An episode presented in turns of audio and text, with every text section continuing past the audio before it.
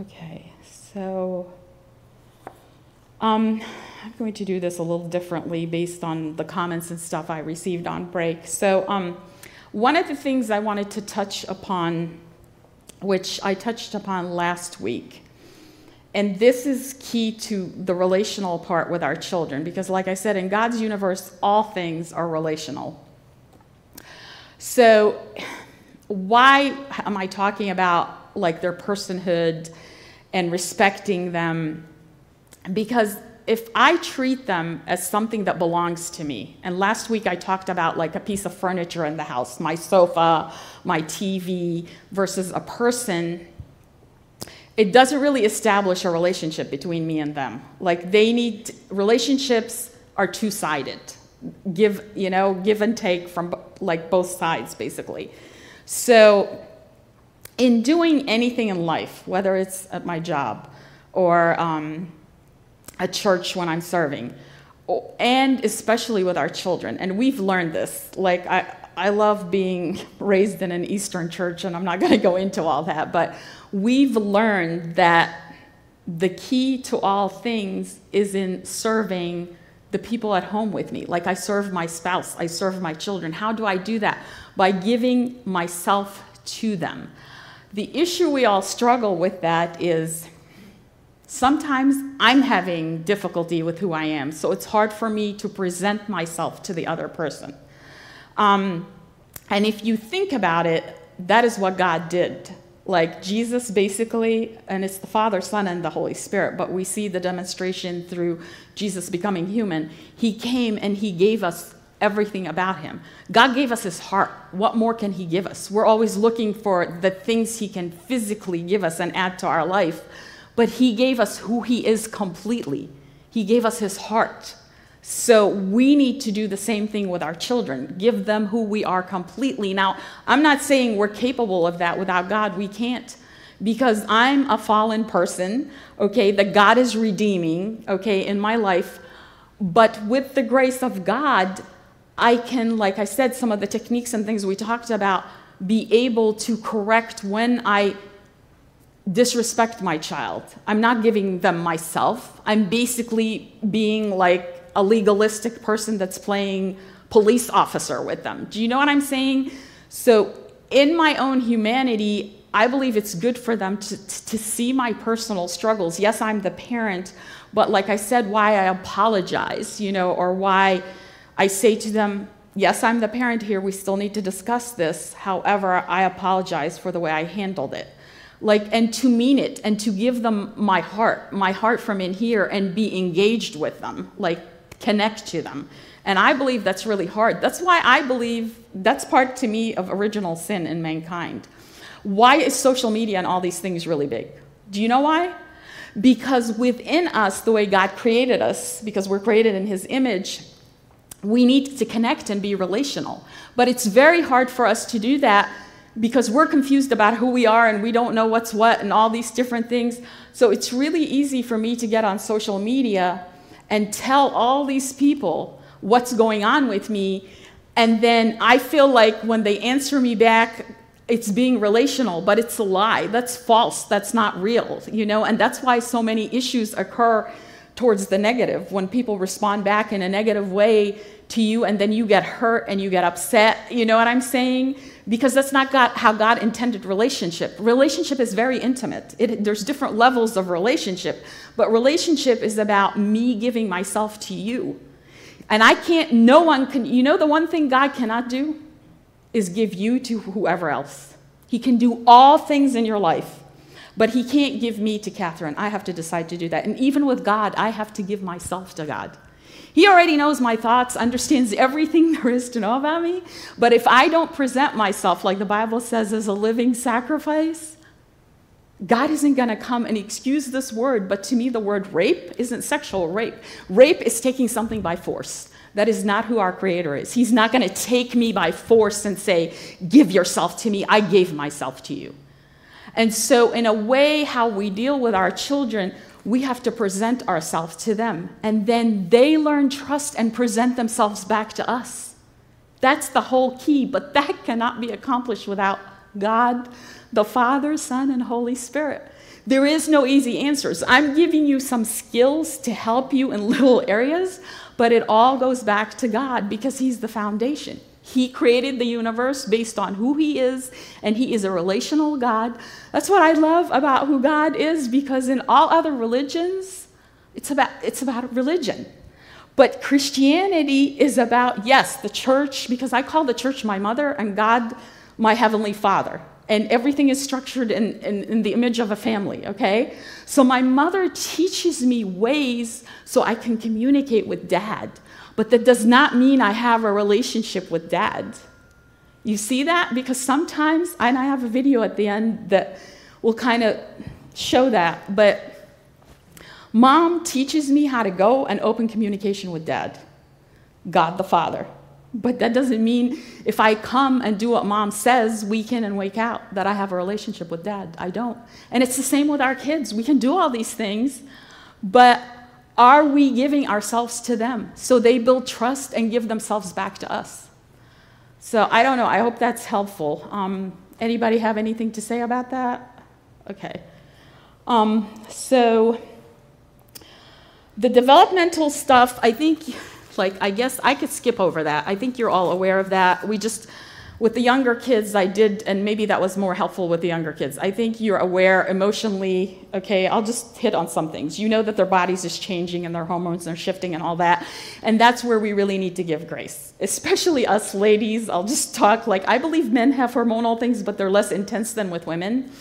And I always thought about, you know, when my cycle and stuff, like, when your hormones are not like balanced, you tend to think differently. Just think about it, okay? Women will relate to this easier. So look at our adolescents who their whole system, okay, is doing all kinds of things. Yeah, they respond based, like we all respond based on emotion, but now I'm responding based on my emotion. My hormones aren't balanced, you know, so they're doing something to the way I perceive what's happening. Plus, on top of that, I have never understood this the school schedule. I think they need to send the youngest kids the earliest because they're always awake. Our oldest ones who need more sleep get less sleep based on the school schedule. It's the world's ways. I'm not going to question. It's just how it operates. So now they're not sleeping enough because I think we talked about this. The average teenager should sleep nine hours. What do you sleep in a night mostly? I don't know where the mic is, but like she, she's, she's in high school. So, right there, I mean, I know God can cover her, she can pray, but if she's doing that every day, every day, every day, like there are times, just like at the end of this week, I said to her, she was like very tired. I said, Do you have any classes? Do you have any this, exams, whatever? She said, No. And they had half a day of school. I had her stay home and sleep because she needed to sleep. I believe just like we need to take care of our physical bodies, it affects her mental health. And yes, I know that's my field, but I'm really serious about this. If there's no test, there's nothing she needs to be there for. I can write an excuse, say she wasn't feeling well because she wasn't. And I, eventually, she would have gotten sick because she does a lot at the school. She's responsible for different things. She stays after school. Like, you know how the schedules are. And if she just keeps going like that, and I, the person who got entrusted her to, and I don't cut in and say, no, no, no, you need to sleep. I had another daughter, the, the advanced classes, um, she's not here, it's my oldest one. She, for whatever reason, had to perform at this high level and would take all these AP classes, and I refused to sign for, I was like, you have enough of those classes, you're not taking any more. Because there's nothing in that for her that's good, you know? So, like, that's where we come in. And so, you know that what's happening with them physically. So keep that in mind. Because they can talk at an adult level, you know, they, they know how to talk like we talk, we tend to respond to them based on what came out of their mouth, not what we know to be true. Here's a person who is at a very difficult developmental part of their life because their body's doing things, they're not getting enough rest. Put yourself in that situation okay? And then their mom and dad tell them, You messed up so bad. And then we want to be close to them. If God did that to, to you, would you trust God? Okay. so so I'm just I'm just like it's as human beings, we tend to always come from our perspective. And as we grow and God is, we're walking salvation with Him, it's hopeful that we start seeing things more through His perspective because then you'll see the big picture. See, if Hala looks at her kids through Hala's perspective, Hala's just seeing what's happening based on how Hala feels and how Hala thinks. But as I walk this and God shows me His grace with me and my life, hopefully I learn and I'm thankful and I'm like, thank you, Father, for this because now I can see that I need to see my child this way. Because your relationships are all about communication and establishing trust. If you do that, they're not going to trust you. You expect them to open up to you, but how can they open up to you because you're judging them all the time? right? No, she's looking at me. That's why, like, I'm, and we've talked. It's not like I feel connected to you, so that's why I'm looking that way. I don't, I don't want to think any anyway. So just, just kind of mull that over. And anyway, after you take something like this, you know what? I, I just pray and I say, Thank you, Father. I know you've planted some things into me with that talk. Holy Spirit, please, when it's the right time, help remind me of some of these things that you've allowed to be planted in me so I can acknowledge what you've done in my life in, in this day. And God doesn't waste anything. Remember, we have not because we ask not. so, um, and it's, it's not like he's going to do something regardless, but I'm just saying I, I want to pursue him, give myself to him and say, I need to be responsible of stewarding the life you gave me. You know, I'm the only one that can do that. So go ahead, I'm sorry. Oh. Huh? We should not No, you should you can judge behavior, but not the child. Like you know what I mean? Like if something is not good for them, you can tell them, discuss it with them and say when when you do this, what have you noticed to be the end result to that? Do you know what I'm trying to say? And talk about what they did. Because we talked last week about people confuse what they did with who they are. And God does not see us that way at all. And we need to give that same message to our children. That is the grace of who Christ is, because he's grace himself. Kind of so. when, when, when you judge their acts, it's, it's kind of the same. They, they get it in a way that they are always being judged you're wrong, you did not put your stuff away, you did not do this on time, you did not sleep, as I told, whatever. But that's where it helps, like what my daughter said, like, I love you no matter what but I see that you need some help in this area and I'm trying to do this and I've always explained why am I doing this? Why is this important? Do you know what I'm trying to say and explain it? Now, that doesn't mean they're going to say, "Oh yeah, great, whatever." And then as we were talking on break, there are times where I need to extend grace. Like just let it fly and tell them that you're extending grace that day to them. Because God extends grace to me. And I believe in parenting my kids the way God parents me. So, okay. Um, so where am I here? Um, let's see. What should we do?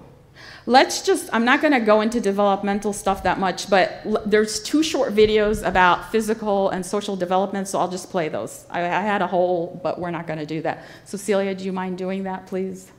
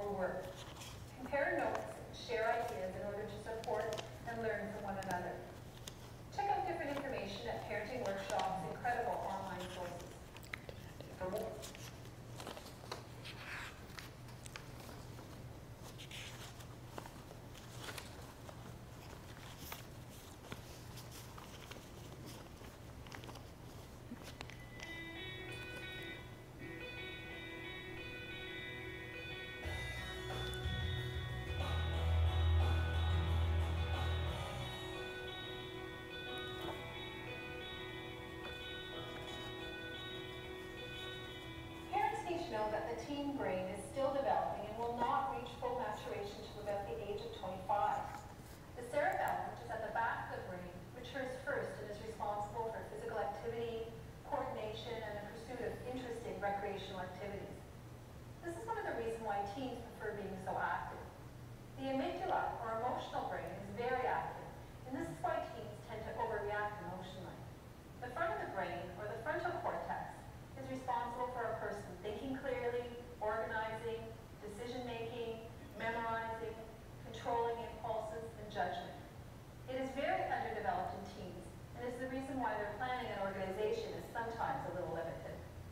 This is really important, what they just said. mostly influence on the teen's brain.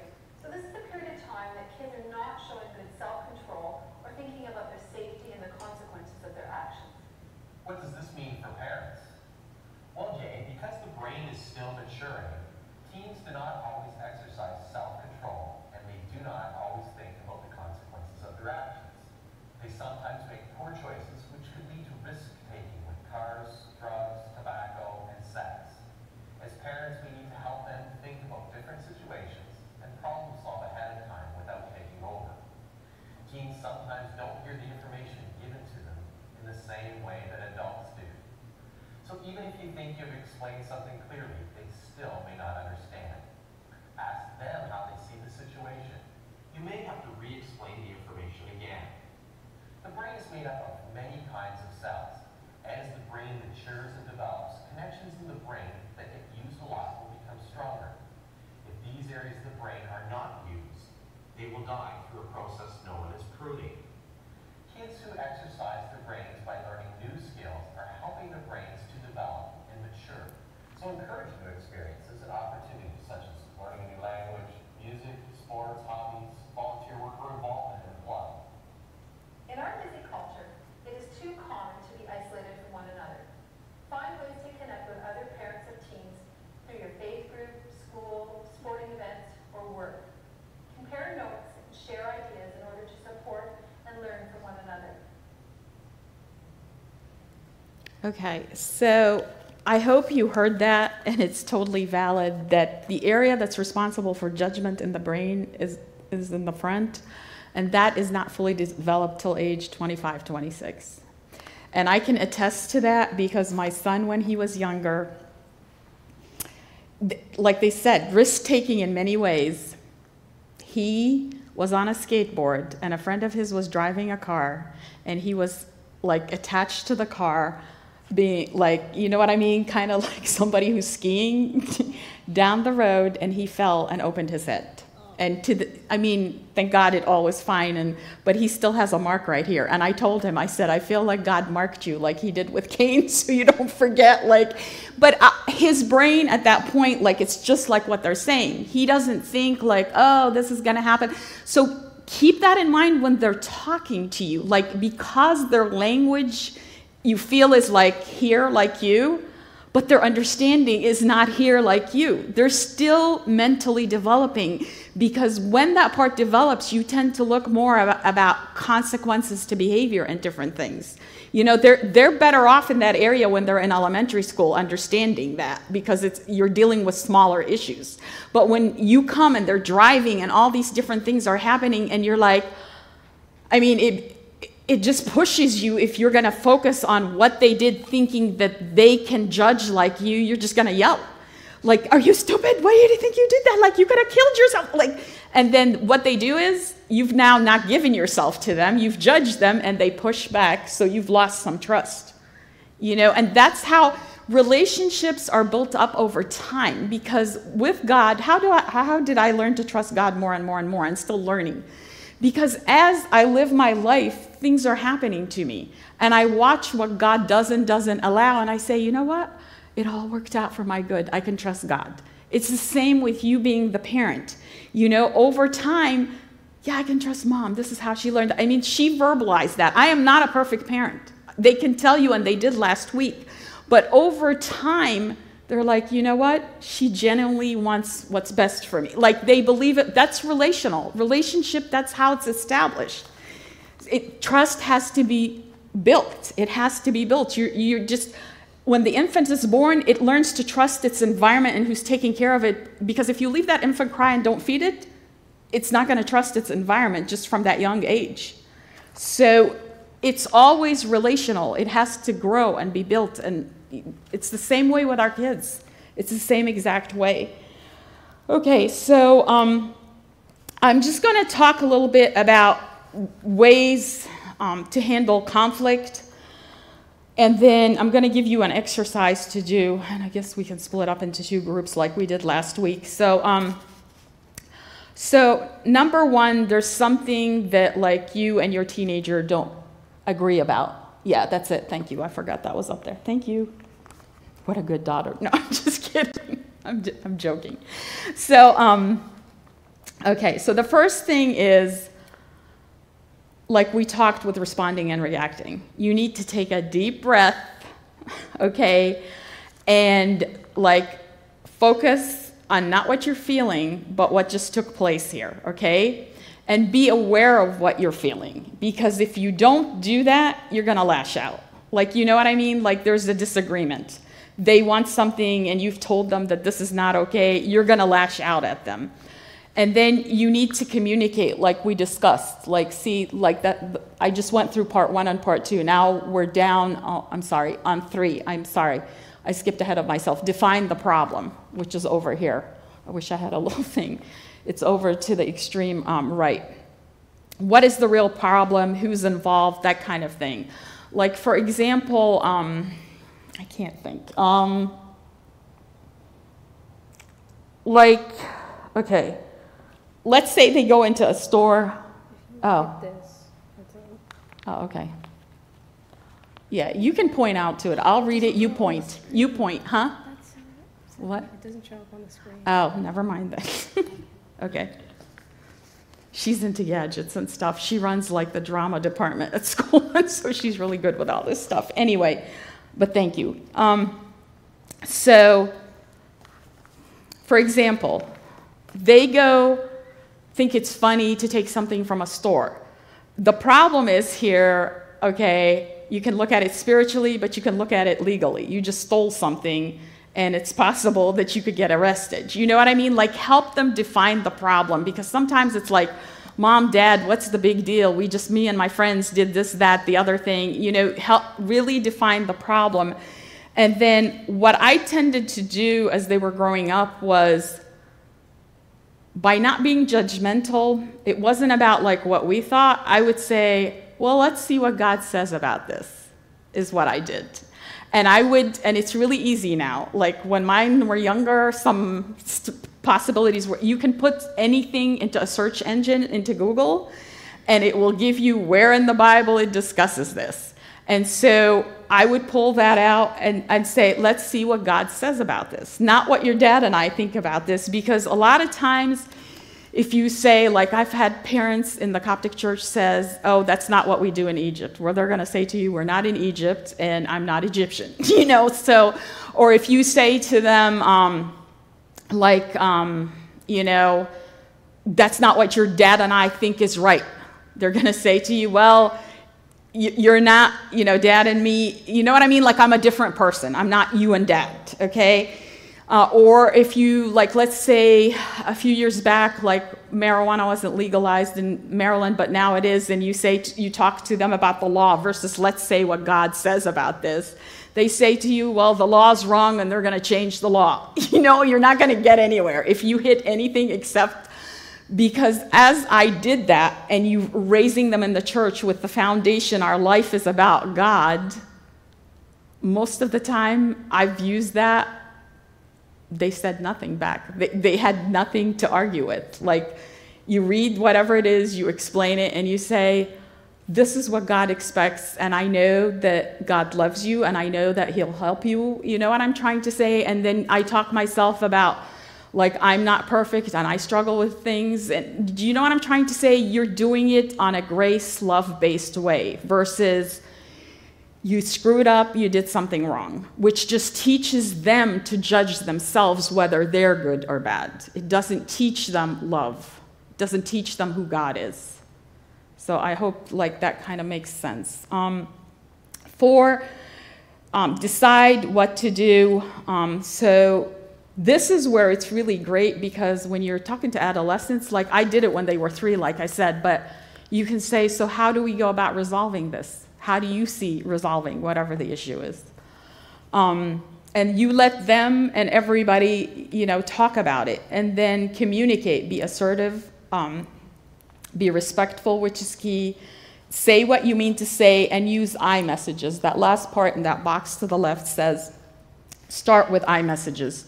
Has anybody here used I messages before or no? You don't? Okay. I'll put a sheet in there, but the whole, but the whole purpose of I messages is okay. Let's say somebody borrows something um, that is of yours, like at home, you know, their siblings are fighting and they don't return it. So you bring them together to discuss it, and if they're old enough, or even a younger sibling, you let them talk about it. So the person who the thing was taken from starts with, I feel hurt or I feel disrespected when you take or borrow things that are mine without asking me. So you're saying how, like, you take this is love based. Why? Because you're taking responsibility versus shoving it on whoever. You're saying, I feel this way when you do this because of whatever. Do, do you understand what I'm saying? It's taking responsibility versus when you just say, uh, you took that and I got upset. So now you're putting it on them. They're the problem. I'm owning up to, to what I felt like and why, just like the young lady when her, when her dad approached her a certain way, it acknowledged how she felt. So she said, I want, you know, the little think, what was it, a giraffe? Thank you. a giraffe, because she wanted to fix it for her younger bro- brother, because she was handled respectfully. Um, her parents, like, took the responsibility, and at that point, she felt the love, so she wanted to give love back. When we do it the other way, what do they want to give back? What, sowing and reaping. I sowed anger, I, saw, I sowed judgment, I sow, so I'm going to get that back. I'm going to get that back. Well, I don't want to do that. I don't want to talk about it. I don't want whatever it is, you know. Um, so let me see here. And then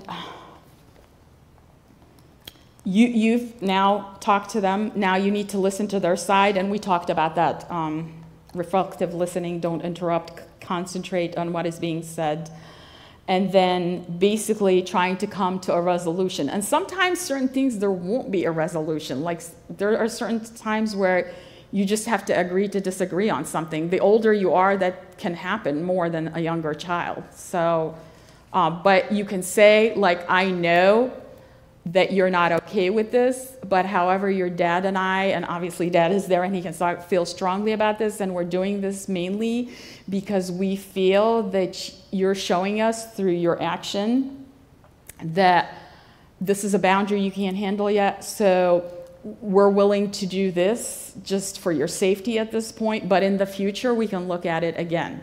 You know, like that gives them hope that it's because kids that age, no is no eternally and yes is yes eternally. Like they figure like this is the way my life is and nothing's going to change. That's why they become suicidal. Do you know what I'm saying? When I look at my life and everything I see is negative, no hope, no hope, like okay, as you grow and mature, you know that life has its ups and downs and cycles like we talked about and you know that you're just in a season and things will change. But they see it as like permanent, like it's concrete kind of thing. And so you have to keep that in mind.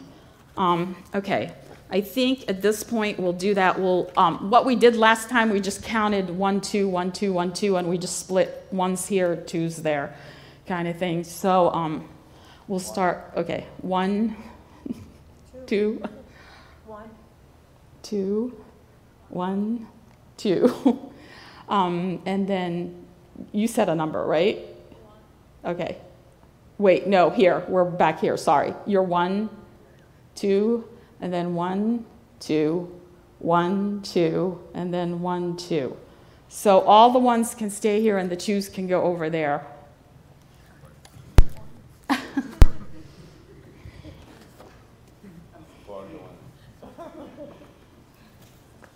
Okay, so what we're going to do is I'm going to give you a scenario and you can explain it. You explained it well. You don't want to explain it? I'll explain it.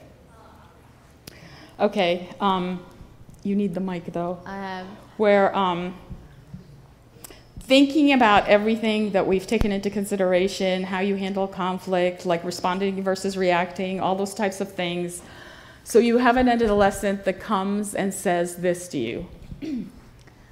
So basically, your child comes to you and expresses to you that they feel disrespected by you, that they don't think that you're trying to treat them like a young adult and to grow up and mature in their own way, that you keep treating them like a child. That's where the whole phrase of, but mom or but dad, I'm 18 years old. Are you going to keep treating me like a baby for the rest of my life? I'm about to go to college. I can vote now. I can buy cigarettes if I want, whatever. Like the world's treating me like an adult. Why can't you? So how would you go about dealing with or your child? even you could take it to to a younger child like i'm about to go into high school they can use the same thing Or, they're yeah, going from middle to high school whatever age you want it to be it's an adolescent that's looking at this based on how they see themselves and connecting to it at a very emotional level so Yeah. so you guys can discuss and then we'll talk so.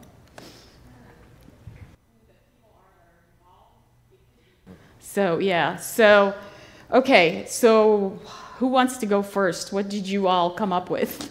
It's fine. Oh, sorry. She she's like, Everybody's like hot potato with mic. Who wants it? I should have said elect a spokesperson. Let's hear from a man. yeah, that's right. I think that's a him, good like, idea. uh, Give it to the man. I know Yeah, I, I'm that's right. trusting your uh, your opinion and your judgment, and uh, and and I love you. And make sure that I'm loving you.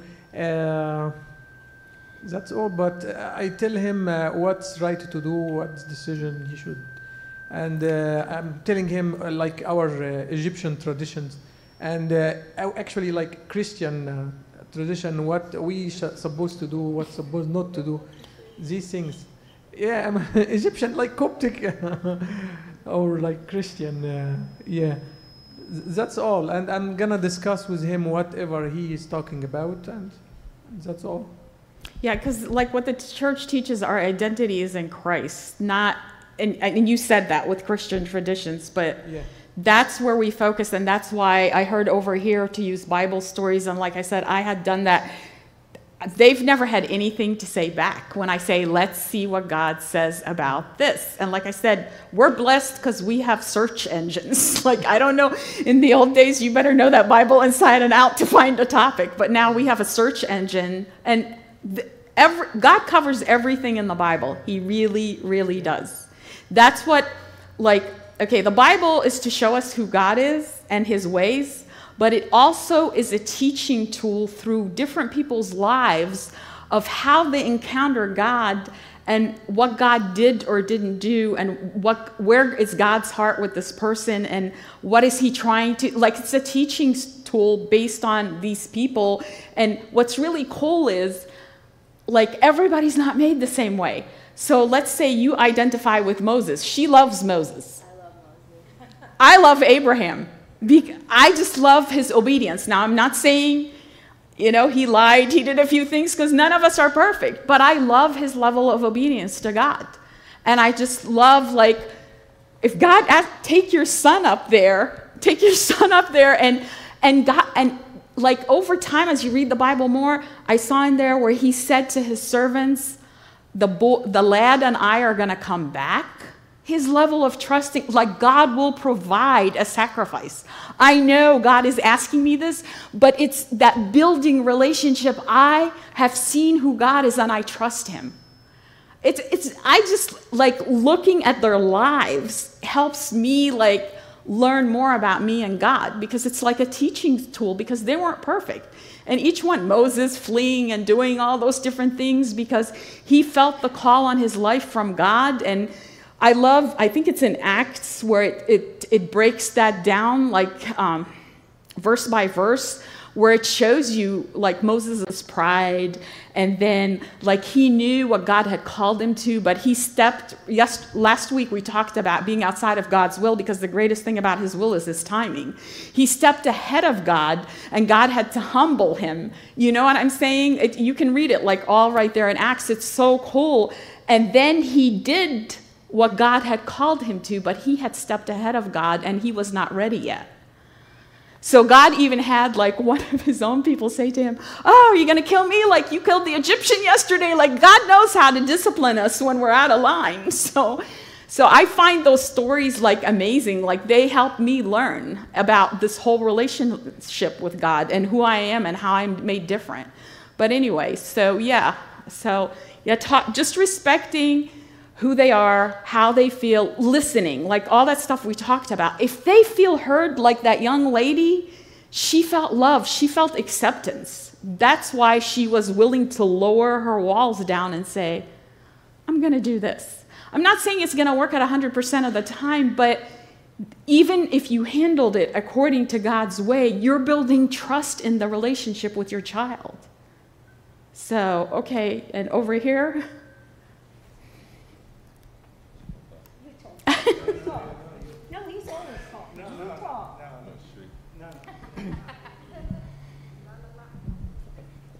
Ah.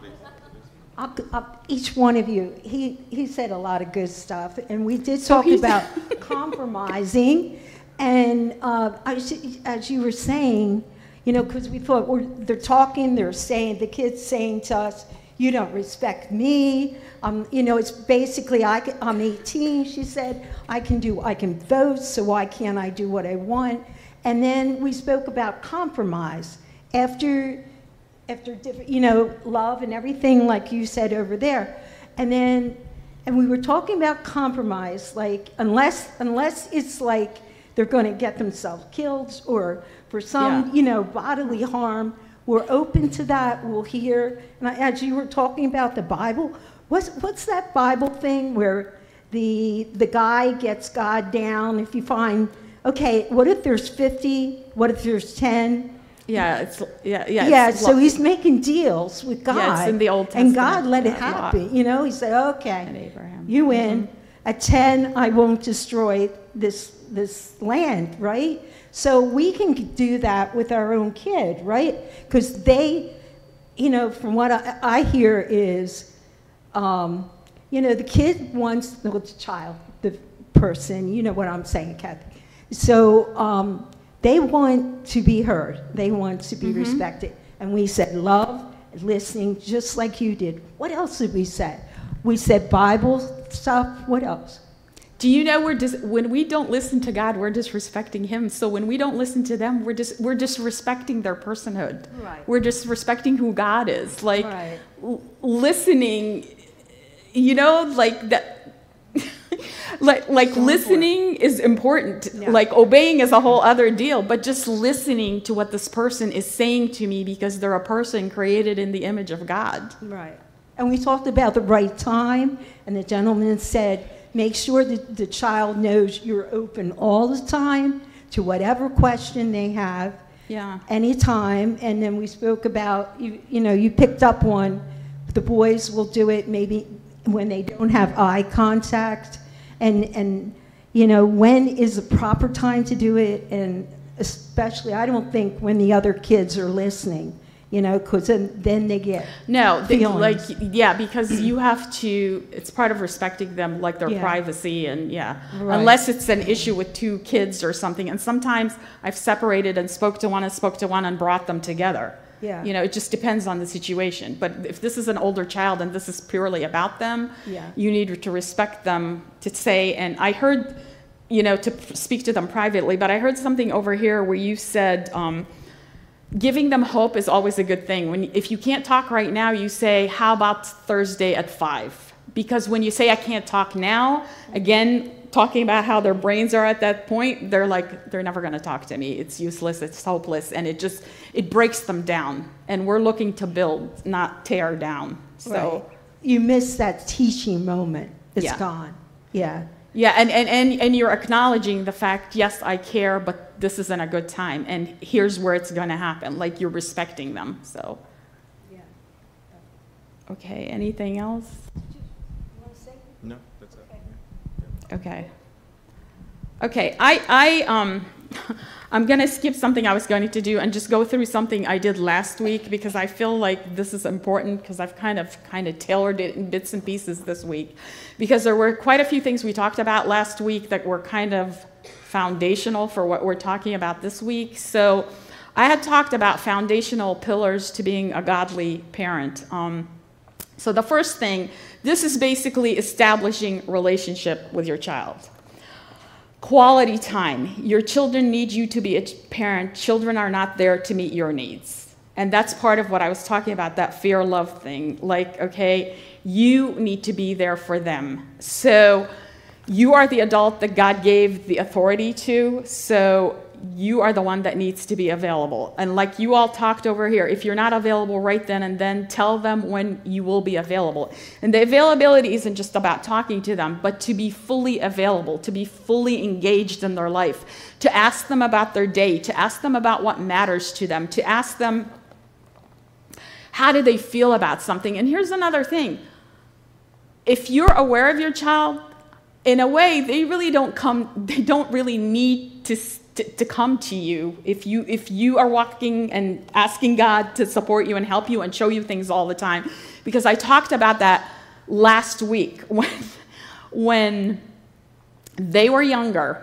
Sure enough, because I pray for them daily and I ask for God's help of understanding who this person He created and He just gave to me to store it is, God would always always like when they were younger. I'd be at the grocery store and i'd run into another mom who'd tell me something that was going on between my child and this other child and and then i would come home and i would pray and then at the right moment i would open up a discussion with them and they always said how do you always know? The same thing is happening with this young man who's 23 that's living with us because god asked me to take him in and do whatever god is doing with him right now. A good god and i talked about this yesterday like last week, God's name doesn't just mean creator, it's creator and sustainer. Sustainer means I've created something, I fully take care of it. Okay, so why would a sustainer, that describing who God is, give you a gift and not help you take care of it? He wouldn't do that. That's just not who he is. So basically, if I am surrendering to God in parenting my children, he will, of course, show me when something's up. So if I'm sensing things about my child, then I pray and I say, God, I think I know what's going on with them. I'm not really sure, but help me find the right time to speak to them. And I used an example last week of something that was going on with my son when he was in high school. And well, he could have been he could have been first year in college. It doesn't matter. And my older daughter, who isn't here, knew, and I, I knew as well. And she came to me and she's like, Mom, how are you not talking to him about this? This is not okay. Da, da, da, da, da, da, da. And I said to her, I had prayed and I don't feel like it's the right time to approach him. Three weeks later, in my prayers, I felt like now's a good time to talk to him. It took 10 minutes. It took 10 minutes because God had prepared his heart. And it was an issue that just blew over like this. If I would have went trying to correct him and say, you are not doing whatever, whatever, and handled it even emotionally, or even if I handled it correctly and got his heart was not ready, I could have pushed him away from God. It could have gotten to be complicated. It could have created major issues because he was a little older, like I said. So, part of the order of God, like I, I had talked about, was nothing functions without him. He has established this whole universe to function on relationship with him none of this will function, including you being an, a parent and you doing what is correct for your children. It's all based on this. So, um, so, second thing, listen to your children carefully as God listens to you. When we pray, God always hears us. He always hears us. And I've had to like learn how not to treat God. Of course, He's God and He's eternal but like an old man that's hard of hearing and keep asking him the same thing over and over and over. The first time I, his child, went to him and said something, he heard me. but now I need to wait on him because maybe now is not the time to answer me. There's certain things sometimes that I, I love, like joking and arguing with God. I've prayed for things sometimes two months later, the answer's in front of me, and I love, I'm going to say this one in Arabic. Oh, هترد عليا دلوقتي أصل الوقت. Like, I love being me with God. like, I believe it's not disrespectful. Like, we are close. I'm sharing who I am. I'm, I'm being humorous with God. And believe it or not, God jokes back sometimes. He actually jokes back sometimes through situations in my life. I feel like he, he's saying like whatever to me, and I get it. It's, it's like it's an intimate thing because it's supposed to be an intimate relationship. And I, I used this verse last week. 1 Samuel 15 22. It says that God prefers, um, what, oh, sorry, um, it's, oh my gosh, it's not coming to me. But basically, obedience, t- t- sacrifice, what? No, no, no, no. No, it says in there, I can't remember the verse. If somebody looks it up, it's 1 Samuel 15 22. It's, it's basically saying that he prefers we obey him to worshiping him. Think about that. That's what kind of a relational God we have. I'm not saying don't come to church and worship God, but he is saying he prefers, because I'm his child, that I obey him to come and worship him. And that's the kind of relationship that God wants with us. Um, thank you, because. Anyway, uh, so number three, admit when you are wrong and use this as a teaching tool for forgiveness and grace in order to build a healthy relationship. Okay? We are, again, the training wheels that God gives. I always say the parents are the training wheels, and the hope is that they kick off the training wheels and ride that bike with God eventually because we're limited, God is not. So, by how I treat them, I'm teaching them about forgiveness. I am teaching them about grace. So, if I'm constantly pointing out certain things to them. And let me just tell you something about forgiveness. There's a lot of times something is still coming up because maybe you forgave your child, but you didn't forgive yourself. And when God says forgiveness, He means total forgiveness for, for whoever did something to you and for you to forgive yourself. Because, like it said, whatever you hold will be hold, held here and there. If you let it go, it allows God to also let it go. And that's bigger topics, but you are teaching them about forgiveness by how you handle all these situations in their lives. Love your children unconditionally. Love is a choice. Trust is based on behavior. We've talked enough about this. Love is a choice. I'm choosing to love this young man that's living with us, although he's, he's pushing every button for me to just shove him. But I am dealing with his behaviors, and that's why I feel he's saying to me, You're temperamental. He's not getting that distinction. So, motivate your child to be all that God has created them to be. And my two here spoke about how they were created differently and uniquely. And I said, I believe that we can serve God in every different field because I talked about my son who's a jazz musician, and my daughter just graduated with a degree in acting, and I have another daughter in medical school, and this one's going into criminal justice. I believe the role of a parent is to look at who God gave me because He already put something in them. And my job and my husband's job is to foster what God had put in them, not mentally say, well, I want you to be a dentist because dentists make good money, because we're teaching them really the, the, the world's ways, like the world's ways. Like I started out in dentistry, that's why I picked that, and eventually God created me to be in psychology. But through different events in college and stuff, I switched my major. I know I am right where I, am supposed to be created. And with my two children in the arts, if you really think about it, I believe the church got out of a lot, and I'm talking about the church in general, got out of a lot of fields and said, oh, those belong to the world. Those are where bad people are. Those are, so, how do you preach the gospel? Because if there's no light in a certain area, God uses his children to bring light to all areas. And I've had jobs where we had terrible administration, and the Christians in those jobs were like, we need to leave this job, we need to find another job, we need, and I felt like, no, God sent us here because He needs a source of light to deal with what's going on here. And so I feel like my two, because I told God, like, once I saw what He put in them, and we prayed with every one of them the last two years of school. I write a prayer for them, I ask them to pray.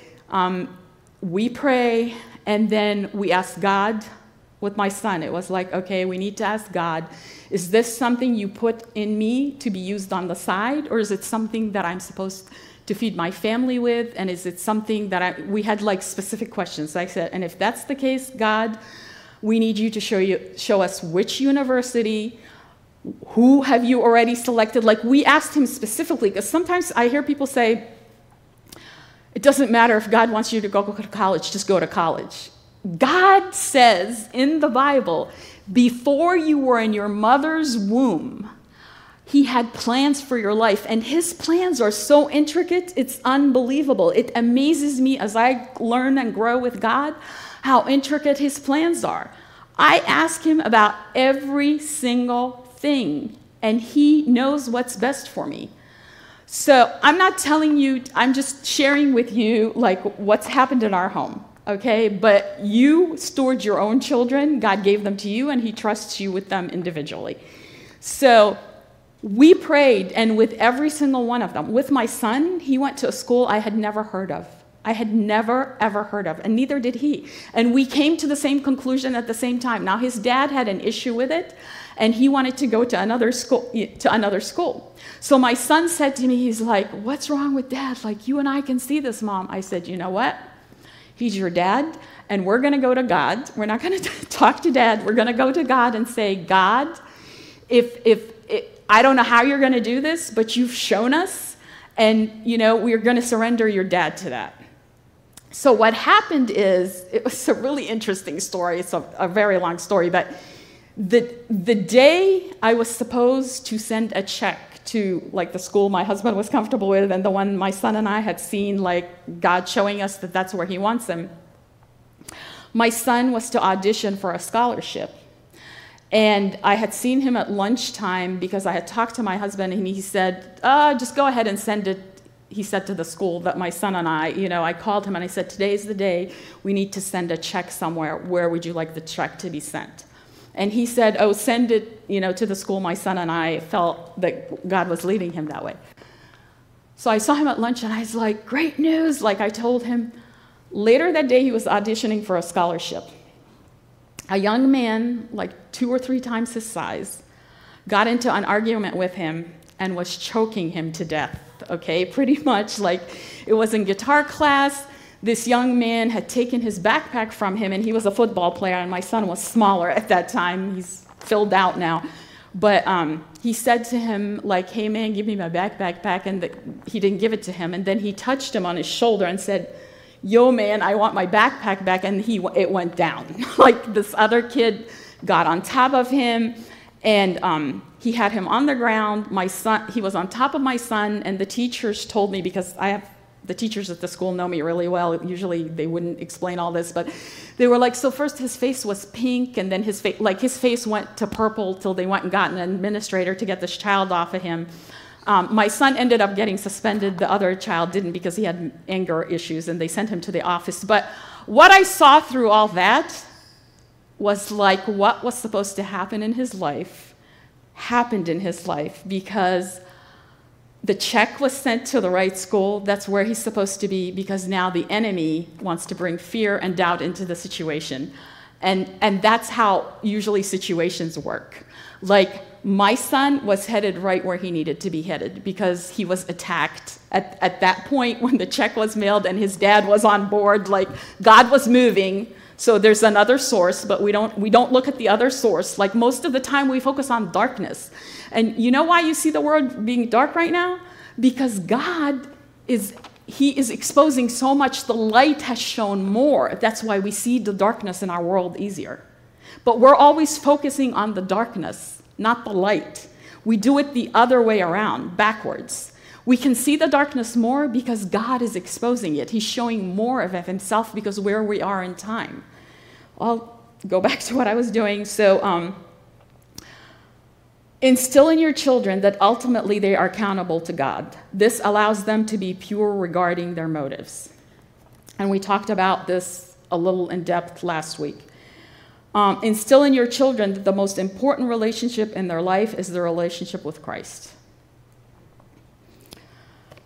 Spend time with your children reading the Bible and in prayer. And the most important thing is to etch in your children's mind and heart that God has a plan for their life and their purpose is relationship with God and the fulfillment of his plan and relationship with other people. Because we are here to learn who God is and to be like him. Marriage, that's what marriage is about. Marriage is understanding love, who God is, learning how to love, be like him, and coming into union with God and the other person. That's marriage in a nutshell, according to God. So, this whole thing is based on God and relationships with others. And God has allowed all of this for our understanding.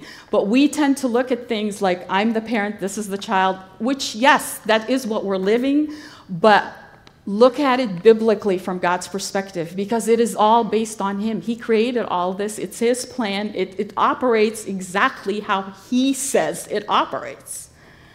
So I had gone through that, and I feel like that is helpful with some of the things because I don't know, it seems a little disjointed because we built on some stuff, but that stuff isn't there from last week.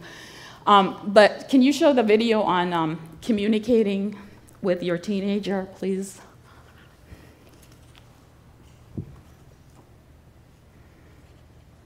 Yeah, how to talk, basically, that one.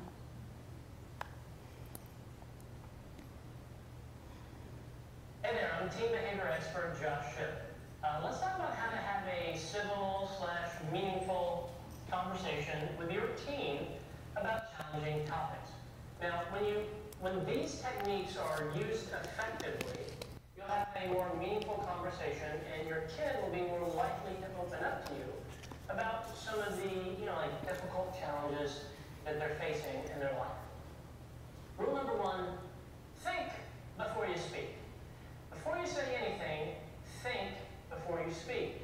Now, think is a acronym widely used that may sound sort of elementary, but it's actually a great sort of a mental checklist when approaching someone about something challenging. So the T in think is this, is what I'm about to say true. So the T is true. It's what I'm about to say true. Before I say something, I want to make sure that it's true. I don't want to exaggerate or I don't want to outright lie or manipulate the situation to try to make my point. H is what I'm about to say helpful. It may be true, but not necessarily helpful. You know, let's say, for example, your dog is hideously ugly. Right? That might be true, but it's not helpful. It can damage the relationship. Who cares? Some dogs are ugly anyway. Like, get over it, you'll be fine. Uh, I is what I'm about to say inspiring. Your words, particularly as a parent, even though sometimes you feel like your teen doesn't care about you and like shuts you out, this and that, your words have the power to build them up or to tear them down. A good parent seeks to inspire their kid. In is what I'm about to say necessary. All right? Uh, this is all about timing. You know, it's one thing to have a tough conversation with your team at a time that is necessary, that's appropriate. It's another to try to have that tough conversation on the way to school when you know it's going to be cut short and when maybe they're still half asleep anyway. So ask yourself, is it necessary to have this conversation right now, in this very moment, or can it wait till later today or later this week when we have a little bit more time to sort of unpack what it is that I want to talk about? K is what I'm about to say kind. There are two ways to say everything, and only one of them is kind. Be kind. In doing this, you're modeling for your kid how you would want to be treated. Now, here are some other best practices on how to talk to your teen and get them to open up to you. First of all, don't lecture. Focus on asking questions. You know, mostly when you speak to your kid, you're going to want to focus on asking questions. It's way more important for your kid to talk than for you to talk. I mean, think about it. You know where you stand on certain issues. You know what's right and wrong. What you don't know is what they think and what they think is right or wrong with any particular situation. So ask them meaningful questions that'll get them to think, and then simply listen. Uh, here's another important piece of advice. Judge the behavior, not the kid. Right? Even if your kid does something wrong, uh, make sure to stay away from using accusatory words. Right? Focus on the behavior, not the person. You know, you're free to attack the behavior, but not the person. Uh, let's say, for example, your kid, I don't know, like woke up a half hour late or something and missed the school bus. It is appropriate to say, hey, that probably wasn't a good idea, you know, sleeping in late and missing the bus. Uh, what's not okay to say is, you're lazy, you're not going to amount to anything if you keep that up. Make sense? Now, even though you may feel like that, you may feel like screaming at him and calling him lazy bum, whatever. I get it. But it's important to focus on the behavior and not the kid. If you focus on attacking the behavior, you'll really get what you want and you'll help them to realize the problem. Another thing, teach your kid how to think, not just what to think. Ask questions to help your kid follow the logic and see the consequences of their poor decisions. Using our previous example uh, about kids sleeping and missing the bus. Uh, let's say that the conclusion is that you want your kid to arrive at, um, let's say, here's like your end goal, right? You want your kid to realize, you know what, it's really stupid to sleep in, and I'm going to miss the bus, and I'm going to be late for school, and that's going to affect my grades, and that's going to affect everything I care about. Then think about what questions you could ask them to get them to realize that, to get them to see it. So, how would you say that? Perhaps you could uh, ask them something like this. Hey, um, what happened this morning? What, what went wrong? What were the consequences of you oversleeping? You know, what else could, do, could go wrong if you accidentally or intentionally sleep in and are late for school? Here's a really important one. What is your strategy to make sure that doesn't happen again? And it can't just be, well, then try harder or, you know, it just won't. Wishful thinking is not a strategy. You're going to need a strategy. So what's your strategy to make sure that doesn't happen? And then also ask them, is there anything I can do to help you in this area? Now, you're not going to do it for them. You're not going to get them out of bed. You're not going to drag them out of bed for them. They need to be responsible. But can I brainstorm with you? Can I help you? Can we talk about this? Can we check in with you? Me to remind you? You know, what is it that I can do to help you out. You see what you're doing there? You're helping them think about the consequences of their actions simply by asking them questions, and you're teaching them how to get a different, uh, aka more optimal outcome. It's teaching your kids how to think, not just what to think. Here's what I know. As a parent, if you tell a kid what to do, they're going to rebel. just the flat out truth.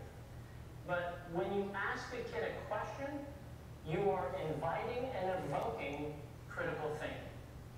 And ultimately, as parents, that's what we want. Fully functioning teenage human being who, without us there, in our absence, can analyze a situation and know in that moment what the wise choice is. Focus on questions, get them to come to those conclusions so they will own those conclusions for life. Good luck. Then, Okay. Does anybody have any questions or, because we can, well, I'm just going to cut it here, so, yeah.